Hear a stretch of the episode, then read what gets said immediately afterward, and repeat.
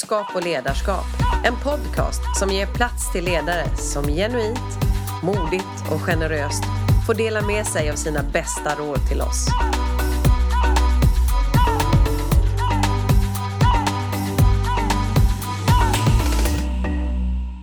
Då säger jag välkommen till Charlotte Berg som är VD på IDL Biotech.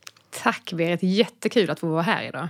Ja, och du är ju VD och det ska vi ju alldeles strax få höra mer om. Men innan vi kommer dit så tänkte jag, när du växte upp och innan du liksom kom in och började arbeta, vad var din bild av ledare?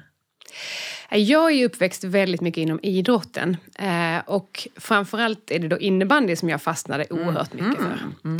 Så att min, min bakgrund är formad framförallt inom det. Eh, och det ledarskapet som är ju väldigt inkluderande och där man inser att ett lag är ju inte bättre än att man måste vara tillsammans. Och att alla måste vara en del och, och mm. verkligen kunna prestera i det. Mm.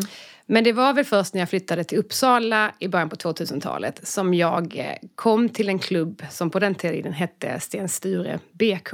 Mm. Och där träffade jag en man som heter Anders Hiller.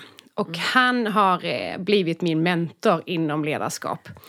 Han var på den tiden både tränare och eh, styrelseledamot och så vidare. Han, han bar hela den här klubben på sina axlar. Mm. Och det gjorde han i form av att vi skulle vara en klubb där tjejer och kvinnor skulle få vara precis, eller ta precis lika mycket utrymme som, som herrarna. Mm. Vi skulle ha exakt samma förutsättningar, mm. vi skulle ha exakt samma träningstider och mm. så vidare som herrarna. Och jag blev så himla inspirerad av honom i det. Um, och han har ju då format mitt ledarskap väldigt mm. mycket av ett att inkludera och att, att få vara med och att alla ska få tycka till. Mm. Och framförallt att alla ska få vara precis som de själva är. Mm. Och att det är en styrka att ha så pass många olika personligheter i ett lag som möjligt. Mm. Men att så länge man drar åt samma mål mm. så är det, då är det bara berikande. Mm. Vad spännande att ni fortfarande har kontakt också. Ja, ja. Jo, absolut. Ja. Jag ska faktiskt träffa Anders ikväll och äta middag. ja. Det gör vi en gång i kvartalet för att bolla ledarskapsidéer och, och, vad vi tycker och tänker.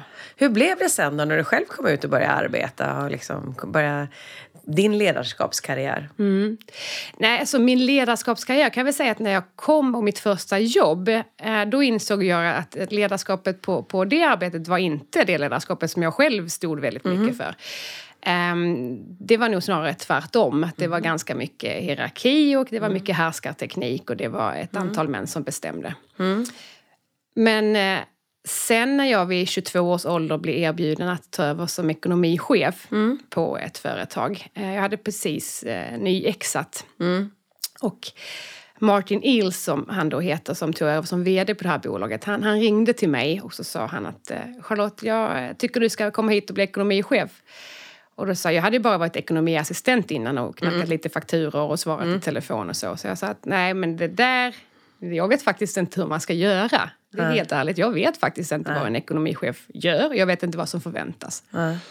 Och då svarade han mig att men det finns ju faktiskt revisorer, du kan väl ringa dem om det är några problem. Och, och så blev det ja. faktiskt. Jag har ju alltid varit ganska modig och tyckt ja, det är kul med ja. utmaningar. Och jag kände att ja, men man kan ju faktiskt bara misslyckas. Det är mm. faktiskt inte mer än det. Mm, mm. Så då började jag vid 22 års ålder. Mm. Och, och, Martin är ju han var ju precis tvärtom som ledare än vad mm. jag hade haft tidigare. Uh, han, han var ju en chef som med entusiasm och engagemang och mm. verkligen brann för det där företaget vi var på. Mm. Um, och det, det uppmuntrade ju mig att, att mm. vara precis likadan. Mm. Att ha en, en, hela tiden en feedback och ett, um, en positiv stämning mm. som gör att folk är redo att liksom så walk the extra mile. Mm, verkligen. Mm. Så att jag måste väl säga att han, han, dels att han genom sitt förtroende mm. på en så pass ung tjej mm. som det ändå var, mm. eh, kunde verkligen eh, ge mig utrymme att utvecklas i, i, det. Vad var det svåraste att lära sig då, då för, när du kom in? Ja, så ur ett ekonomisynpunkt så var det ju såklart inte så svårt. Eh, det, det var väl det lättaste. Det, det svåraste för mig det var väl att jag helt enkelt var en väldigt ung tjej, eller ja. ung kvinna. Ja. I en extrem mansdominerad bransch mm. eh, och med amerikanska ägare mm. som inte kanske tyckte att det skulle sitta en 22-årig tjej mm. på den posten jag satt mm. på. Mm. Så att eh, där väcktes ju den här eh, oerhörda längtan eller behovet av att hela tiden prestera i min yrkesroll Mm. och att alltid ha läst på ordentligt Mm. eh, och vara korrekt så som det ändå krävs i en ekonomichefsroll. Mm. Eh, samtidigt som vi reste ju runt i världen och jag fick uppleva otroligt mycket Mm. eh, som jag är väldigt tacksam för. Men vi fick ju faktiskt en den amerikanska ägaren som kom till Sverige för att ha styrelsemöte och jag skulle komma in på mitt första styrelsemöte och presentera de här siffrorna. Och jag, jag visste ju faktiskt rent knappt vad ett styrelsemöte gick till eller vad jag skulle göra eller vad förväntades av mig. Och när jag kommer in i det här första eh, mötet och tittar den amerikanska ägaren på mig, en äldre, en äldre herre. Och sen tittar han på Martin och så säger han så här Is she here to serve coffee? Han visste mycket väl att jag var där för att presentera siffrorna. Men det var verkligen hans sätt att säga till mig att det där var inte riktigt vad jag har accepterat att det ska Nej. finnas en ekonomichef på den här Men hur påverkar det dig? För det var ju så uppenbart att han försökte liksom trycka ner och få dig ur, liksom form, höll jag på att säga. Ja, ur balans. Ja, verkligen. Nej, sånt där triggar ju mig extremt mycket. Ehm, jag har aldrig varken blivit arg eller ledsen för de motstånd jag har sprungit på. Utan Okej, helt sett det som liksom, det har blivit lite en, liksom en, en bra, tänt min brasa ännu mer av att bevisa att, att jag kan och att jag är påläst, att jag är kunnig. Ehm, så det gjorde väl bara att jag knöt min näve i fickan lite extra och tänkte att nu, nu gäller det att vara skärpt i det här Ja, samtalet. precis. Gick det bra då? Det gick bra. Det gick väldigt bra. Ja. Men det är ju klart, då hade jag ju Martin med hans fantastiska ledarstil att verkligen inkludera mig Mm. och ge mig fullt mandat. Allt som hade med ekonomi, det var jag som, som drev det. Mm, Eh, och det gör också att man växer i den rollen. När man har någon som tror så Mm. fullödigt på en, då, då växer man som individ. Man blommar upp ordentligt. Försöker du göra likadant själv nu då när du sitter i den rollen du har nu? Ja, det gör jag verkligen. Eh, Jag står väldigt högt i att eh, ge min personal mandat och förtroende. Och det ska ju sägas att nu är jag ju, vi kommer vi säkert prata mer om ideell eh, lite senare, men nu är jag ju på ett bolag där jag är inte forskare och jag är inte vetenskapligt grundad, jag är en ekonom. Och jag omger mig av extremt utbildade, kunniga specialister. Och det är självklart att jag ger dem full mandat i sina roller. Det vore ju ett tjänstefel annars. Det är inte det som är mitt uppdrag. Mitt uppdrag är att ta det här bolaget framåt och sen att, att verkligen ge mandat och förtroende till mina kollegor som att driva sina frågor. Men om vi ser lite grann på vad är det du känner själv behöver vara på plats för att du ska kunna liksom ge fullt ansvar till en person. Kompetens är ju en, en sak som du säger, för du har ju mycket forskare som har unika kompetenser på det ni gör. Men vad är det mer du ser är saker som du vill ha på plats för att du ska känna att ja, men det här funkar, jag kan släppa? Ja. Ja, det är ju ett ansvarstagande. Och jag tror man känner det så himla snabbt. Är den här personen verkligen redo att ta sig an den här utmaningen? Vill man ta sig an utmaningen eller duckar man? Vill man ta beslut? Är ju en sån sak jag tittar väldigt mycket på. Jag vill inte ha en organisation där allt måste gå genom mig och att jag måste vara den som säger det slutgiltiga beslutet. Eh, sen är det många som är benägna att luta sig mot en annan där det känns tryggt att någon annan tar det där beslutet. För då är det inte jag själv som har felat Precis. om, jag, Ja, om någonting händer. Ehm, Men det där ser man ju väldigt snabbt och jag uppmuntrar, jag, jag, vi pratar väldigt mycket om att alla gör fel. Jag gör fel jätteofta, det gör vi allihopa. Men så länge man, man kan är medveten om det och man sen kan korrigera s- sina felaktigheter eller sina brister, ja, men då löser det sig. Vad är den senaste lärdomen du har fått? Som du kände så här, oj det där var ju inte... Oj, det är så mycket lärdomar hela tiden. Jag tycker, jag tycker den viktigaste lärdomen för mig det är ju att se att alla, alla har styrkor. Men i sina styrkor så har man också extrema svagheter. Det finns alltid två sidor av varje mynt. Jag, menar, jag är ju en person som har ett extremt högt engagemang, ett driv, en, en, en, en, kommunikativ och tydlig. Men jag springer också väldigt fort. Och det baksidan med det är att jag hela tiden också måste vända sig om och se, har alla organisationen sprungit med mig nu? Och det, det är sådana saker som jag lär mig hela tiden av. När märkte du senast att du sprang för fort? Ja, det gör jag. Jag har en ekonomichef som är min totala motsats. En, en Lars, som han är man, norrlänning och en bit över 60. Eh, och det är helt fantastiskt att arbeta med Lars. Ja, han, han, han säger liksom till mig hela tiden så här, men nu, du tänker A, tänker B. Och sen har vi hela tiden så himla bra dialoger och kommunikation kring det. Och han ser till att, att nu hänger vi inte med. Nu får vi bromsa in och, och så. Så att, eh, jag skulle säga att jag lär mig nya saker varje vecka och jag är väldigt öppen med det. Om att det finns ingen person som, som är fulladdad och prestera på topp hela tiden. Utan det är ett givande och tagande. Men det, är också, eh, det visar ju en hel del om själva atmosfären där, att våga säga ifrån. För det blir ju ändå på något vis att det är ju lätt att vi hamnar i en, organisatorisk, eh, liksom, du är chef, si och så vidare, jag är bara här och så vidare. Sen så väljer människor att inte ta ansvar och säga ifrån. Så hur får du människor att våga? För det är ju också en risk med att våga säga ifrån. Ja, men det är det ju. Och jag, jag tror att det är ju via dialoger vi har hela tiden. Om att man bjuder in till dialoger. Att man som chef inte säger så här, jag tycker det här. För då blir det kanske svårt för den andra personen att säga att jag tycker precis tvärtom. Utan Jag försöker också hela tiden att bjuda in till samtal och säga, vad tycker du i den här situationen? Vad är viktigt för dig här nu? Om du hade varit jag, hur hade du agerat? Ehm, och sen så tror jag att när man väl har lärt känna varandra ordentligt och jag, jag försöker ju vara tydlig eftersom jag är en väldigt tydlig person. Att också hela tiden säga så här, säg emot mig nu. Vad, ty vad tycker ni? Tycker ni som jag eller tycker ni inte som jag? Och det uppmuntrar ju till att alla hela tiden faktiskt har en, en kommunikativ utbyte av varandra och, och vågar prata. Sen vet ju alla det också. Det är klart att jag har det yttersta ansvaret och det faller på mig. Men med mitt förhoppningsvis goda omdöme så litar jag fullt ut på mina anställda och tror att deras beslut är de absolut bästa. Vad är det du ser är den största utmaningen för er just nu? Det är den globala, det, det globala klimatet för oss är den största utmaningen. Eh, vi säljer ju våra bra produkter ute i, i världen. Eh, och eh, det är dess, alltså förändringarna globalt, eh, sjukvården globalt, eh, pengaströmningarna globalt. Det, det, är de, det är de största utmaningarna för oss. Fler och fler länder stänger sina gränser, vill inte importera. Eh, det är den typen av de största utmaningarna som man ibland kan bli oerhört frustrerad av för det ligger ju faktiskt inte i min kontroll eller i Nej. mina kollegors kontroll. Utan det är saker man, man får försöka förhålla sig till och hitta eh, ett förhållningssätt att komma runt det där. Ja, ja. För jag tänkte på just utifrån att ni jobbar med inom om man säger medicin och det är alla de här kliniska kontroller och allting sånt här är, är så otroligt viktigt.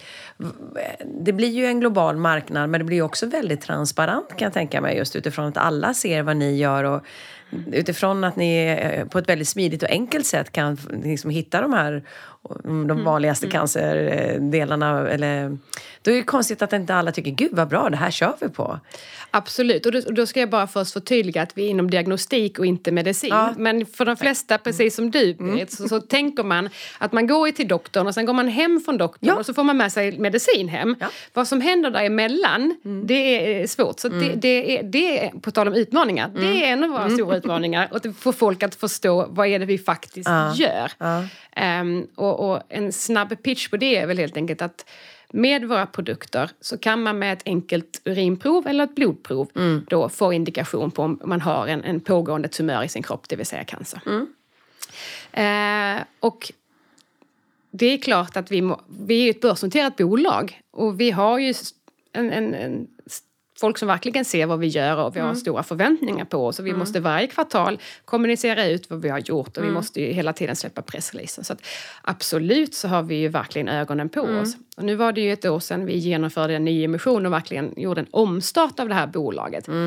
Och jag tror att det har ju såklart eh, påföljden av det blir ju att man får ännu mer ögon på sig. Vilket vi, vi tycker är jätteskoj och det är precis så, så det ska vara. Men då gäller det också att leverera och att vara ännu tydligare och kommunikativ. i Var, var är vi någonstans i det här bolaget och var ska vi någonstans? Men jag tänkte på just i det här, för att på något vis känns det ju som att det, det utifrån mitt perspektiv då, som inte kan någonting om det ni håller på med, så låter det här så smart och enkelt. Så vad är problemet? Ja, visst är det så. Ja. Det tycker jag med. Jag ställer mig den frågan säkert tio gånger varje dag. Nej, problemet är ju framförallt att det finns inte en tradition av att använda den här typen av diagnostik. Okej. Alldeles för många läkare vill gå in i kroppen fortfarande och det ska man ju göra som ett komplement såklart. Ehm, Men att ehm, Sen tar det, det tar för lång tid att, att ändra framförallt då eh, läkare, onkolog, urologers beteende. Hur gör ni där då? För det är som du säger, det handlar ju om att liksom få... Det är lite om att egentligen eh, som kanske teknikutveckling överlag hamnar i att det är. Så, men vad gör ni för att få de här ändå att liksom titta på de här, det här nya sättet då, om man nu ska kalla det så? Där gäller det att teama ihop sig med vetenskapliga rådgivare. Ja. Det gäller att hitta urologer som vill gå lite i bräschen på att verkligen titta på ny teknik. Mm. Och sen gäller det att göra kliniska studier. Allt handlar om kliniska Mm. studier. Vi kan stå och, och liksom diskutera och, och försöka propsa, propsa på att det här är så Mm. mycket bättre. Men sen måste vi med kliniska studier verkligen bevisa att ja, det här är Mm. faktiskt bättre. Det är mer tidseffektivt, det är betydligt billigare, Mm. det är betydligt bättre för patienten. Men eh, någonstans så måste ju de, liksom, de key opinion leaders, som det då så Mm. fint heter, de, de högsta urologerna Mm. stå och säga att ja, det här vill vi använda. Och det har vi i vissa marknader verkligen lyckats med. Mm. Eh, nere i Tyskland så har vi en jätte, jätte, jättemånga tester varje år. Där har vi ju bara på de senaste ja, vad blir det nu, fem, sex åren har det över en, nästan en miljon tester sålts. Så att det är många patienter som har fått eh, tillgång till våra tester där nere. Och det är det vi försöker nu ta. Och med, efter att vi genomfört den här nyemissionen har också kapital att ta det konceptet och försöka trycka ut det även i andra länder. Vad, vad krävs av dig då för att, att liksom göra, för det som säger du, eller det är ju massvis med professorer och experter som kan den delen. Så vad är det du känner krävs av dig för att du ska kunna göra ditt jobb så bra som möjligt? Det som krävs av mig det är ju en flexibilitet. Alla marknader fungerar ju väldigt olika. Eh, att hitta människor som är verkligen beredda att springa på alla de här bollarna. Är beredda att resa väldigt mycket. Tycker om förhandling och hela den biten. Så att, det är ju att vi vill ju bygga en större organisation nu. Och det krävs ju då extremt mycket arbete från min del att, att styra den skjut- skutan. Att eh, omorganisera så att vi har effektivare eh, och att, ehm, att verkligen motivera personalen. in Och i då är du ute och egentligen och säljer själv också? På, eh, Ja, det, framförallt så kommer jag ju in kanske när någon annan har försökt sälja in och Ja. sen så liksom när avtalen ska slutförhandlas, då är jag med, absolut. Och sen så är det ju mycket eh, olika möten mellan läkare och professorer och, och distributörer och då är jag ju såklart alltid med där i form av VD. Men där tänkte jag också just utifrån att ni jobbar på en global marknad. Hur upplever du att det är att komma ifrån Sverige som kvinnlig vd? Och... Det är ju eh, spännande. Det är en utmaning. Det är klart att i vissa länder så tycker de inte alls att det är konstigt att det kommer en ung kvinnlig VD. Nej. I andra marknader tycker de det är oerhört uppseendeväckande att det kommer en ung kvinnlig VD. Ehm, och där måste jag säga att man måste bara hela tiden anpassa sig till det, känna av stämningen. Ehm, samtidigt som jag är så, alltså jag är ju VD för det här bolaget. Ja. Och då måste någonstans motparten också acceptera att Ja, jag är ja. VD för det här bolaget. Vad, är det dråpligaste som har hänt sådär när du varit ute och rest? Ja, det dråpligaste som har hänt Ja, det måste ju vara när jag precis hade tagit över som VD och jag träffade en, en tysk samarbetspartner. Och jag förklarade för honom att jag jobbar inte med management of fear. Jag jobbar inte med någon slags hierarki om att jag ska sitta med i varenda samtal eller jag ska alltid föras allas talan. Utan jag sa att nu framöver så kommer de personerna på marknad hör av sig till din marknadsavdelning, de personerna på, på labb hör av sig till dina labbpersoner och så vidare. Eh, och jag, jag förstod ju i det här mötet att det landade inte riktigt väl hos honom, en, en 70-årig herre. Eh, men han var hyfsat... Han var ganska tyst i det där samtalet. Ja. Men sen gick det några dagar och sen fick jag ett mejl från honom där han då tipsade mig om eh, top-down management. Ah. Att det, var, tyska sättet var ett väldigt bra och effektivt sätt att leda sin organisation på. Och att han tyckte att jag kunde läsa på om det och att han framöver då förväntade sig att allt skulle gå genom mig. Och då, då svarade jag honom och bara sa att nej, det där är, du får jättegärna leda ditt bolag på det sättet men det gör inte jag. Jag har ett modernt ledarskap av en transparens och en, jag inkluderar mina medarbetare. Så att, eh, det där accepterar inte jag. Nej. Nej. Hur gick det sen då? Träffas ni fler gånger? Oh ja, Ja. de är ju en av våra absolut största partners. Ska ja, säga. ja. Så, så att vi har, eh, det där har landat. Ah, men det spännande. tog lite tid. Det var nog faktiskt den relationen som jag har fått jobba mest på. Mm. Att bli accepterad eh, och att jag är kunnig. Och att, Mm. eh, men nu, alltså, det, det tog en liten stund, men, men nu har vi en felfritt samarbete Mm, måste jag säga.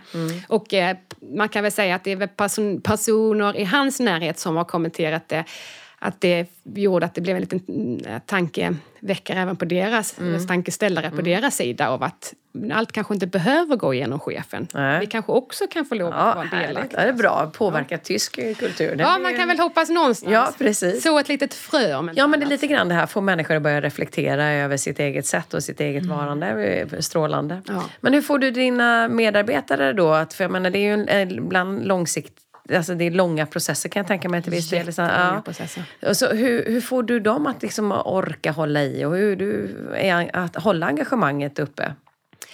Framförallt så handlar det om att vi tillsammans hela tiden sätter mål och att man någonstans har en vision om vad det här ska betyda. Vi har ju och jag, men jag, någonstans tror jag så att, att få jobba med cancer och sen utöver cancer så jobbar vi också med någonting som kallas för tyfoidfeber där det är väldigt många barn och ungdomar som dör. Det är den allvarligaste formen av salmonella. Man får en febersjukdom och får man inte rätt antibiotika så är risken 30 procent att, att personen dör.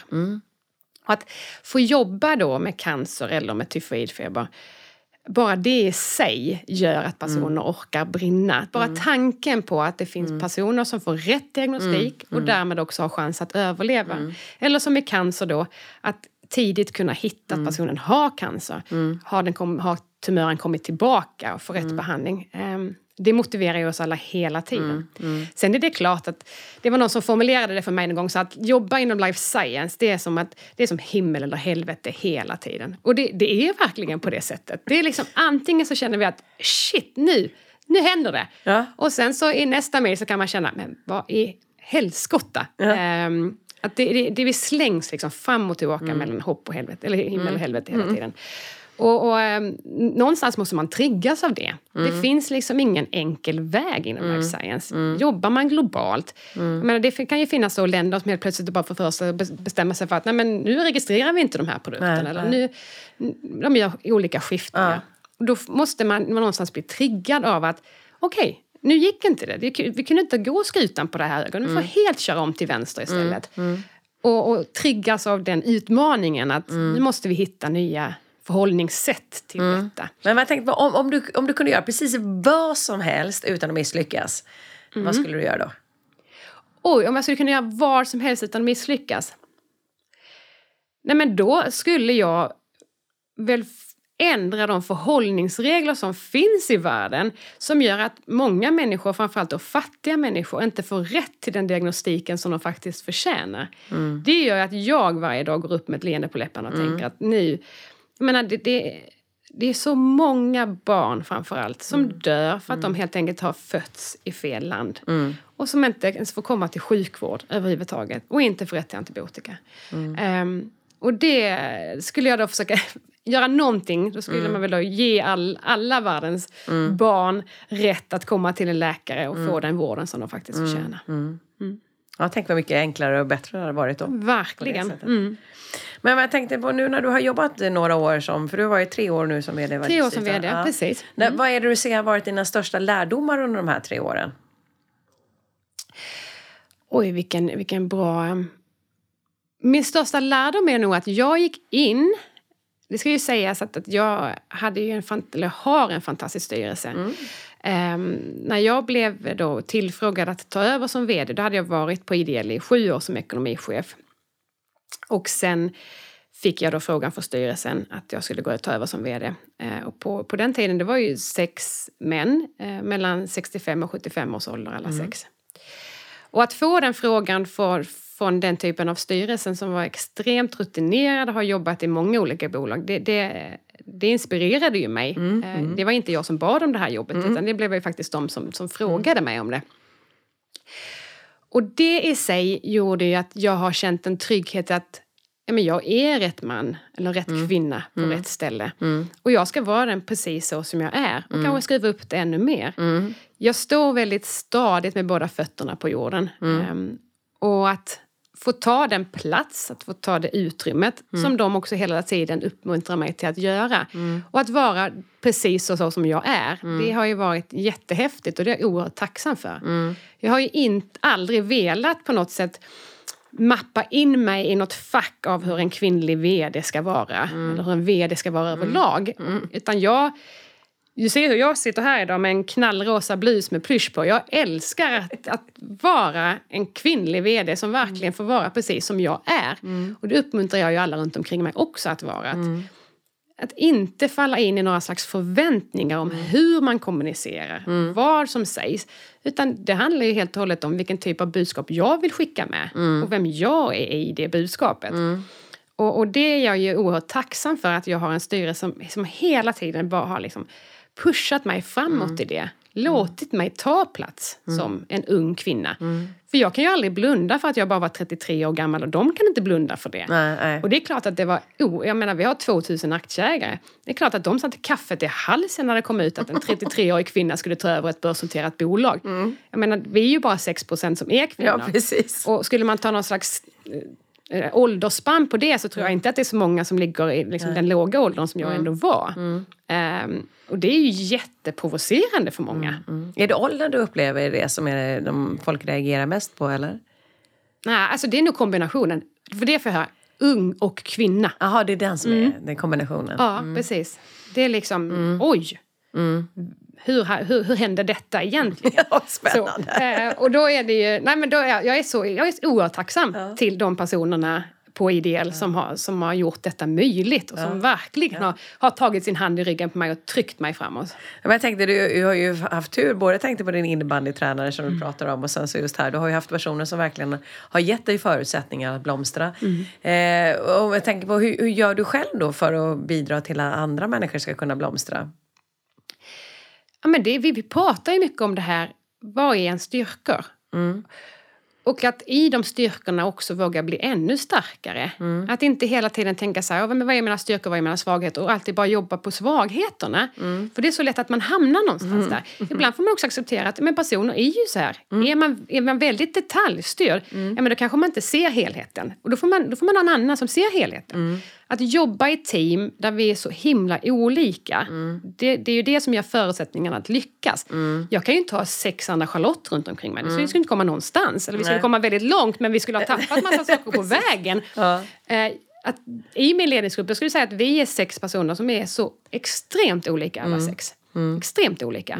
Och det är det jag värdesätter. Jag vill inte ha några jag-säger runt omkring mig. Jag behöver personer som verkligen ifrågasätter och vågar liksom, ta ton i att vad de tycker är viktigt. Och ha den som är jätteextrovert och ha den som är jätteintrovert och den som är detaljstyrd och den som liksom bara vill svepa stort. Det, det är viktigt. Så att, eh, Jag fokuserar mycket på att man ska våga vara precis den man är och skruva upp de sakerna ännu mer. Ja, för det är ju där man ska säga, om man då tittar på, vi kommer ju ändå från lite lagom land. Oh ja. Lite sådär. Så. Så att det blir ju, ur det perspektivet så blir det ju att, att ta för sig mer. Mm, Men vad upplever du, är, vad är det människor är rädda för där upplever du? För att jag, det låter ju som att det är helt okej att göra det hos er. Mm, Men vad är det som gör då att man kanske hålls tillbaka? Men det ska jag ju säga att jag fick mig en tankeställare den här helgen. Eh, Jag var iväg på ett ledarskapsprogram även med, med är 11 stycken deltagare. Det heter så här Women for Leaders Premium Leadership Program. Eh, Det är skapat av kvinnor och det är bara kvinnor som har varit co-designers och sen är det bara kvinnor som är deltagare. Och att inför det eh, forumet då ska jag vara helt ärlig på att jag tänkte att nu kommer jag vara med så extremt seniora personer som sitter på betydligt större bolag än vad jag gör. Ehm, att jag tänkte att jag måste nog tona ner mig här lite. Jag ska inte ta liksom all den här platsen och, på det sättet som jag kanske normalt gör. Och det var sån befrielse att den här helgen har varit precis tvärtom. Vi har bara, det har varit en sån boost av kärlek och respekt i att men man får ta plats. Ja. För jag tror någonstans att när kvinnor kommer i grupp då är man rädd att man ska trampa andra på fötterna. Så känner jag aldrig när jag är med män. Nej. Aldrig att jag känner att jag trampar någon på, på tårna. Utan snarare så här, där har jag en sån självklar plats. Sen har det kanske varit för att jag mest har jobbat med män, ska ju, ska ju tilläggas, och rapporterat till män. Men att, och där var alltså det, de här co-designersen och de som har skapat det här programmet den här helgen har jag fått så mycket tankeställare och blivit så starkt i just det jag precis sa. Jag ska skriva upp mina styrkor ännu mer. Jag är ju precis den jag är och varför ska jag då backa helt plötsligt? För någon slags norm i landet lagom om att man som kvinna inte ska ta plats. Varför ska inte jag ta plats? Men hur gör du där också? Jag tänkte som utifrån förälder, för där kan jag känna också att där vill vi ju att samtliga barnen ska passa in och de ska liksom, man vill ju inte att de ska liksom göra för mycket eller för lite utan de ska vara lagom, man vill att det ska gå väl och alltihop det där liksom. Så hur gör du där då? För samtidigt så vill vi ju, vi vill ju boosta våra barn att de ska liksom tro på sig själva. Ja, verkligen. Nej, men jag jobbar ju jättemycket med mina barn och det. Ehm, och jag, de, jag är så himla glad att jag har fått barn som verkligen också tycker att saker är kul och brinner för saker precis som jag gör. Jag behöver liksom inte och jag, jag är väldigt noga med att jag vill, inte, jag vill inte backa dem, jag vill inte begränsa dem. Mm. De måste ha sina unika egenskaper. Jag mm. menar, jag har ju en, en sjuårig son som förvisso älskar både innebandy och fotboll och avgudar att vara på det. Mm. Men även älskar teater mm. och dans mm. och musik. Mm. Eh, och då är vi så himla, både jag och, och, min man är så noga med att men, bara för att vi inte har hållit på med teater, dans och musik så måste han ju få lov att göra det. Och sen har jag fått en, en femårig tjej som är någon slags kopia av mig. Att också bara så här, älska utmaningar, helt mm. orädd och mm.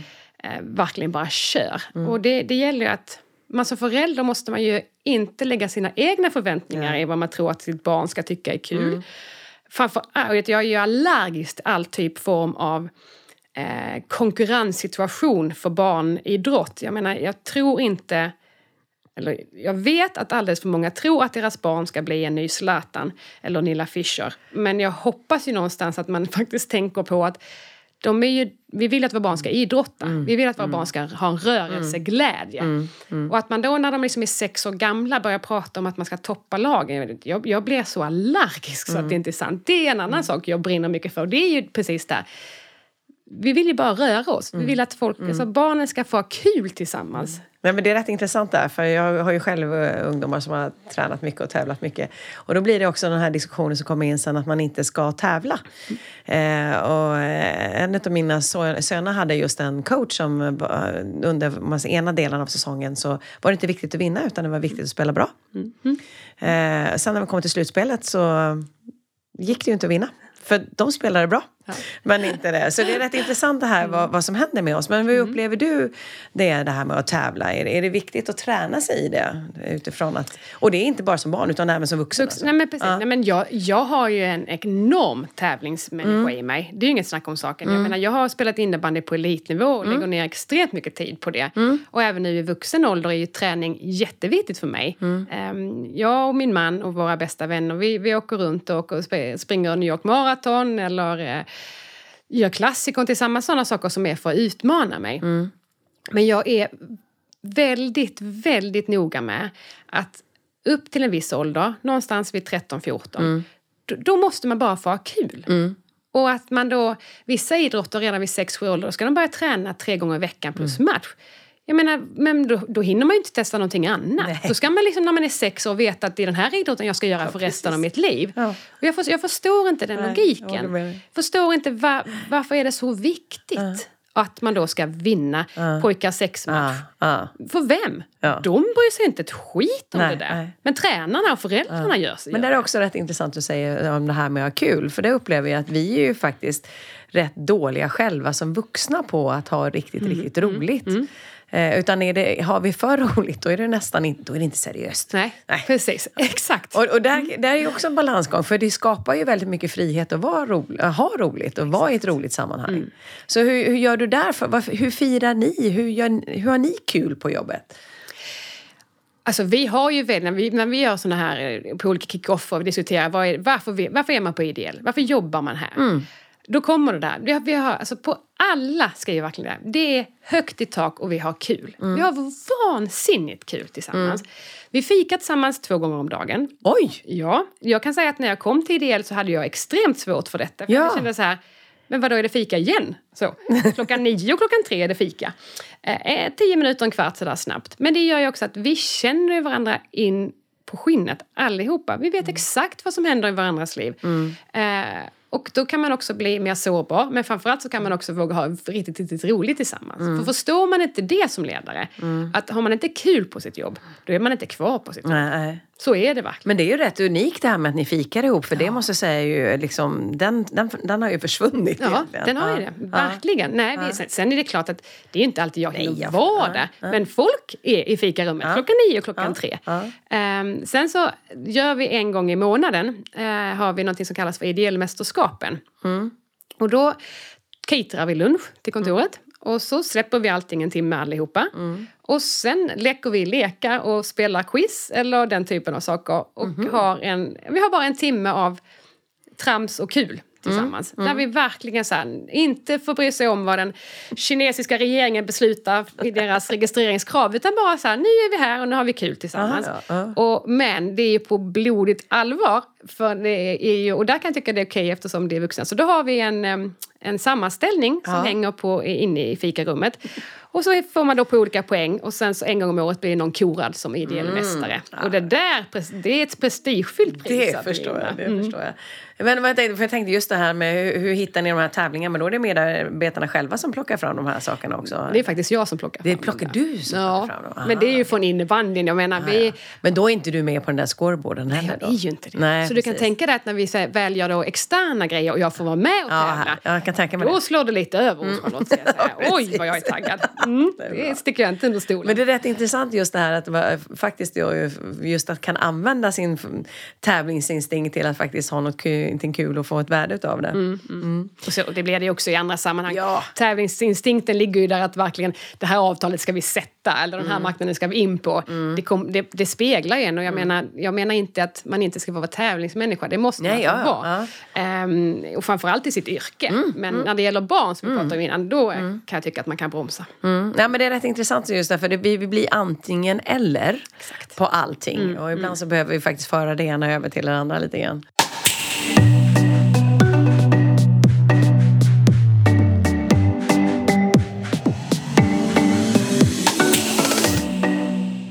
Men om jag tänkte på när du träffar om man säger yngre människor, för du ses ju, blir ju en förebild utifrån att du är ung kvinna och VD och många som ser upp till dig. Vad är det du känner själv är viktigt att eh, liksom, ge dem för råd och tips?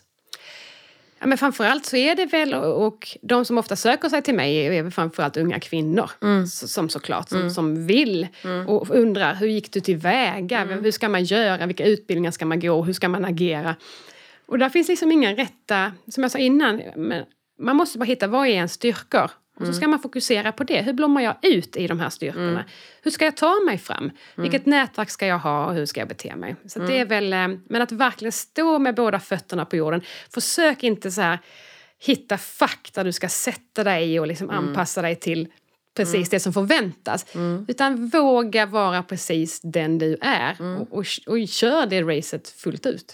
Vilka mer bra råd har du till oss? Ja, jag har väl som råd att ha kul. Det är nog det rådet, precis som vi pratade om innan. Att verkligen ha kul. Att hitta någonting du brinner för. Jag tror ju inte att jag kommer aldrig kunna jobba för att jobba, alltså så här, bli av med sina timmar. Så många timmar som man lägger tillsammans med andra, det är ju jätte, jätteviktigt att man har kul längs vägen. Och sen tror jag att vara tydlig.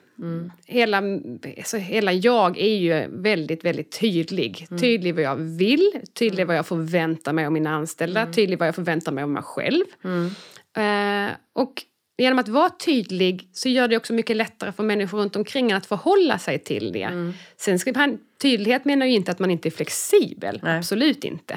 Eh, men att, för det måste man också hela tiden vara. Man måste ju hela tiden liksom få ens f- idéer och tankar liksom ifrågasatta. Det, håller, det håller jag absolut med om att det var. Men att när man går in i ett möte så ska man vara tydlig vad ska man göra med det här mötet och när man går ut från mötet ännu tydligare med att vad kommer vi egentligen fram till? Vem äger bollen just nu? Vem tar det här framåt till nästa möte?